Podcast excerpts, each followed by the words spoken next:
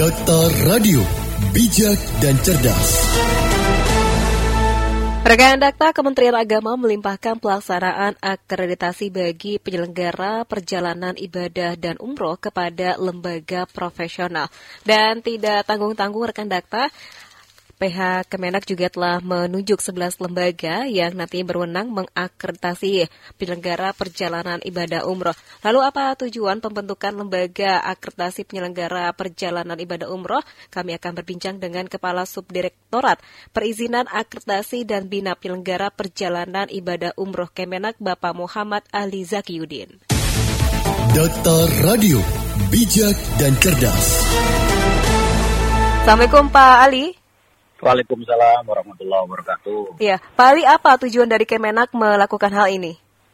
Jadi tujuannya untuk eh, melakukan akreditasi dengan menggunakan LAPPIU ya. Kalau di Kementerian Agama dikenal Lembaga Akreditasi Penyelenggara Perjalanan Ibadah Umroh atau LAPPIU. Itu tujuan utamanya adalah adanya independensi, Mbak. Independensi bahwa eh, PPIU diakred oleh pihak lain yang bukan dari internal Kemenak agar harapannya apa hasil penilaian itu dilaksanakan secara independen. Itu pertama. Yang kedua, ingin mengetahui bahwa PPIU, travel-travel yang kita uh, lakukan akred itu menghasilkan grade, baik itu A, B, C, itu dihasilkan oleh pihak-pihak yang tidak ada keterkaitannya dengan Kementerian Agama. Dan mereka pihak-pihak yang profesional karena apa? Kita berharap PPIU itu bisa menjadi lebih profesional dalam segala uh, pengendalian pelayanan serta layanan mutu yang diselenggarakan oleh PPIU tadi. Ya, ini apakah belajar dari beberapa uh, kasus yang menimpa masyarakat, Pak, terhadap Biro Umroh ini?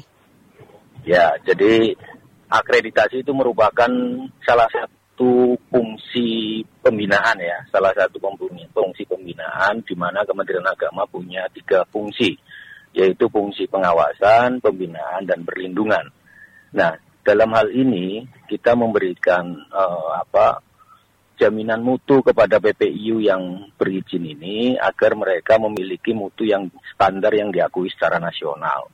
Sehingga harapannya dengan melakukan pembinaan itu akan meminimalisir terjadinya apa itu penyelenggara-penyelenggara yang eh, oknum-oknum yang nanti akan melakukan uh, one prestasi terhadap uh, perjanjian terhadap para jamaah. Ini harapannya seperti itu. Karena sudah profesional dia sudah bukan lagi sekedar apa untung tapi lebih kepada bagaimana memberikan layanan jamaah itu puas. Makanya mutu daripada PPIU ini harus kita uh, apa nilai dan kita uh, bina supaya lebih baik lagi. Ya, dan memang benar ada 11 Pak ya lembaga akreditasi? Ya, jadi yang 11 itu memang itu kan uh, kita sebagai Kementerian Agama dalam proses seleksi uh, apa itu LAPPIU ini proses seleksinya diserahkan sepenuhnya kepada Komite Akreditasi Nasional. Jadi Kementerian Agama melaksanakan uh, eh, MOU dengan Komite Akreditasi Nasional, di mana Komite Akreditasi Nasional atau KAN itu menseleksi calon-calon lembaga akreditasi tadi. Nah, pada saat ini yang kami terima dari KAN ini baru 11, Pak. Jadi kita tidak uh, masih terus apa uh, menunggu dari hasil seleksi-seleksi berikutnya dari KAN. Tapi untuk yang pertama kali kita tetapkan uh, dari sekian uh, dari yang disampaikan oleh KAN yaitu 11 sudah kami tetapkan semua dan kami serahkan secara simbolik kemarin. Ya, untuk uh, mekanismenya proses akreditasi PPU seperti apa, Pak? Jadi proses akreditasi PPIU itu di mana ketika PPIU ini sudah berizin maka dalam jangka tiga tahun dia harus selalu diakred. Nah, ketika dia mau diakred, maka dia harus e, mengajukan pengantar kepada Kementerian Agama untuk memberitahukan bahwa e, lembaganya atau e, travelnya mau diakred oleh lembaga yang tadi LAPPIU A, B, C, D yang dari 1 sampai 11. Tinggal mereka milih sendiri. Mm -hmm.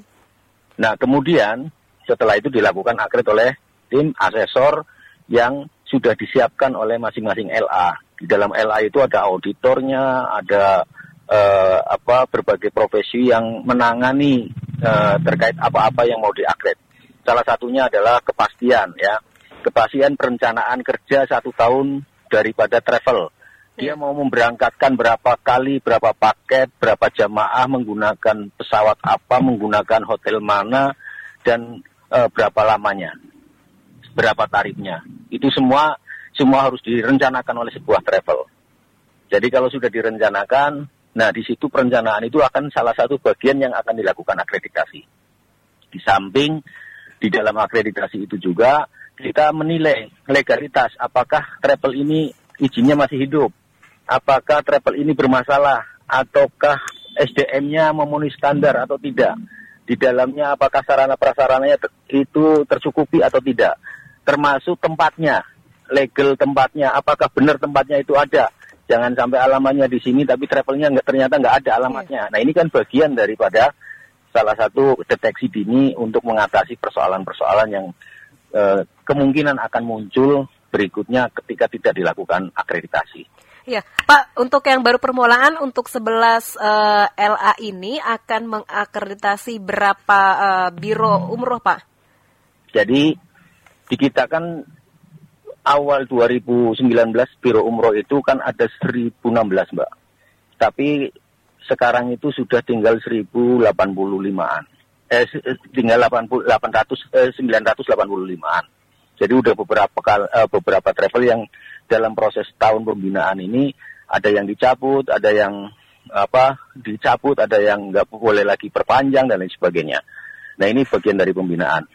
Karena mereka itu berfungsi akreditasi itu tiga tahun dari kondisi sekarang 985-an itu ya paling setiap tahun rata-rata hampir 300-an PPU yang akan dilakukan akreditasi. Ya.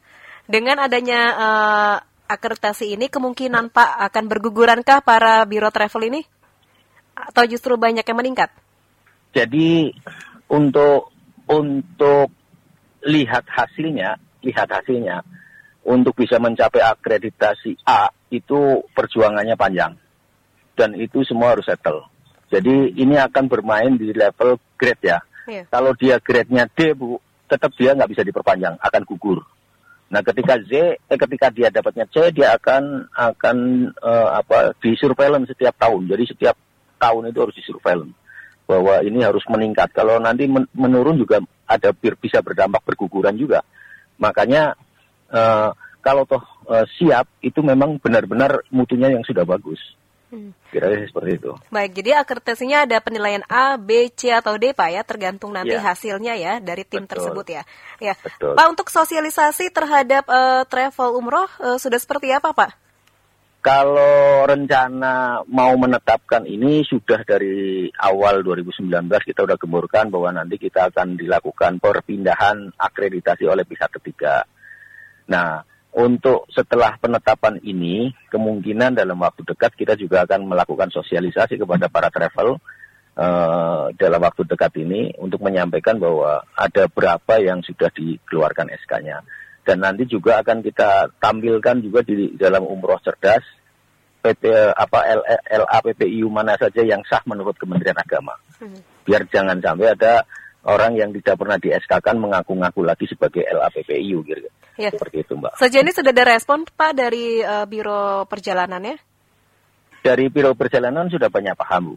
Sudah banyak paham karena kita sudah melakukan uh, sosialisasi sebelum uh, penetapan ini. Ketika Kementerian Agama melakukan kerjasama dengan pihak KAN, kita sudah coba sosialisasikan sambil bertahap-tahap gitu.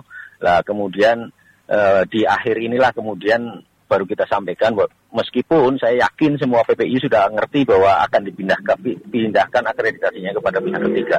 Iya, Pak, akankah uh, dalam proses akreditasi ini hasilnya akan mempengaruhi harga Pak untuk masyarakat?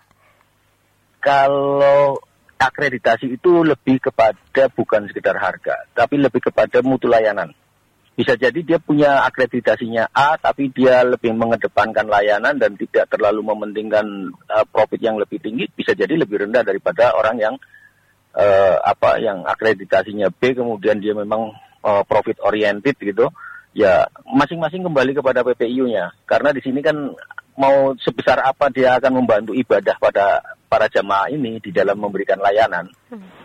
Ya, apakah juga akan melakukan survei ke masyarakat tentang uh, kepuasan mereka terhadap uh, biro travel yang digunakan itu? Iya, jadi kinerja biro travel itu nanti akan kita ukur juga, Bu. Jadi ketika akreditasi nanti kita juga selalu memberikan ruang kepada masyarakat untuk melakukan penilaian-penilaian. Jadi apa saja yang sudah uh, mereka berikan layanan selama ini, apakah mendukung atau tidak, apakah lebih baik atau tidak, apa mengecewakan apa tidak, itu juga menjadi ranah daripada uh, penilaian oleh uh, LA tadi. Karena untuk memutuskan nilai angka A, B, C itu salah satunya adalah memperoleh informasi dari unsur pengawasan dalam dalam hal ini pengawasan itu di dalamnya termasuk menerima pengaduan masyarakat seluas-luasnya. Hmm, Kalau memang dia punya masalah ya adukan saja. Jangan sampai muncul A tapi punya masalah itu. Baik. Jadi ujung tombaknya di masyarakat memuaskan atau tidak pelayanannya Pak ya? Betul. Betul. Ya. Kalau untuk 11 LA PPU ini tersebar di seluruh Indonesia atau bagaimana Pak? Sementara ini Pak hanya di baru dari kota-kota besar saja. Kayak misalkan Jawa Timur, Jawa Tengah, Jogja, Jakarta. Jadi iya. untuk Makassar kayaknya masih juga ada. Jadi masih belum menyebar semuanya. Baik. Makanya kita masih buka luang hasil dari penetapan dari KAN ya. Baik, Pak untuk uh, eh, LA ini sistemnya mereka yang mengajukan diri atau dari Kemenak yang menunjuk LA tersebut? Oh, mereka mengajukan diri melalui apa? Melalui KAN. Jadi mereka diseleksi itu nanti mengajukan seperti uh, lembaga sertifikasi yang lain ketika dia mau jadi lembaga dia harus melakukan apa pengajuan dan seleksi oleh komite akreditasi. Hmm. Jadi untuk seleksinya Kementerian Agama tidak tidak pada kapasitasnya untuk mengukur itu. Apakah bisa dijamin Pak untuk independensi dan kredibilitas dari LA itu? Ya, kita di, di dalam pengayoman dan pengawasannya kita, LA ini dalam pengawasan Kementerian Agama dan Kanbu. Jadi ketika si LA ini melakukan pelanggaran tidak independen, maka kita kita Kementerian Agama bisa bertindak untuk untuk menghentikan. Bahkan kalau itu LA sendiri melakukan sebuah apa fraud atau ketidakindependensian, silahkan bagi yang merasa tertekan dan lain sebagainya laporkan ke Kementerian Agama dan kan insya Allah LA ini akan ditindak. Baik. Pak Ali, terima kasih sudah berbagi informasi bersama Radio Dakta. Assalamualaikum warahmatullahi wabarakatuh. Waalaikumsalam warahmatullahi Data Fokus. Kepala Subdirektorat Perizinan Akreditasi dan Bina Penyelenggara Perjalanan Ibadah Umroh Kemenak Muhammad Ali Zakiuddin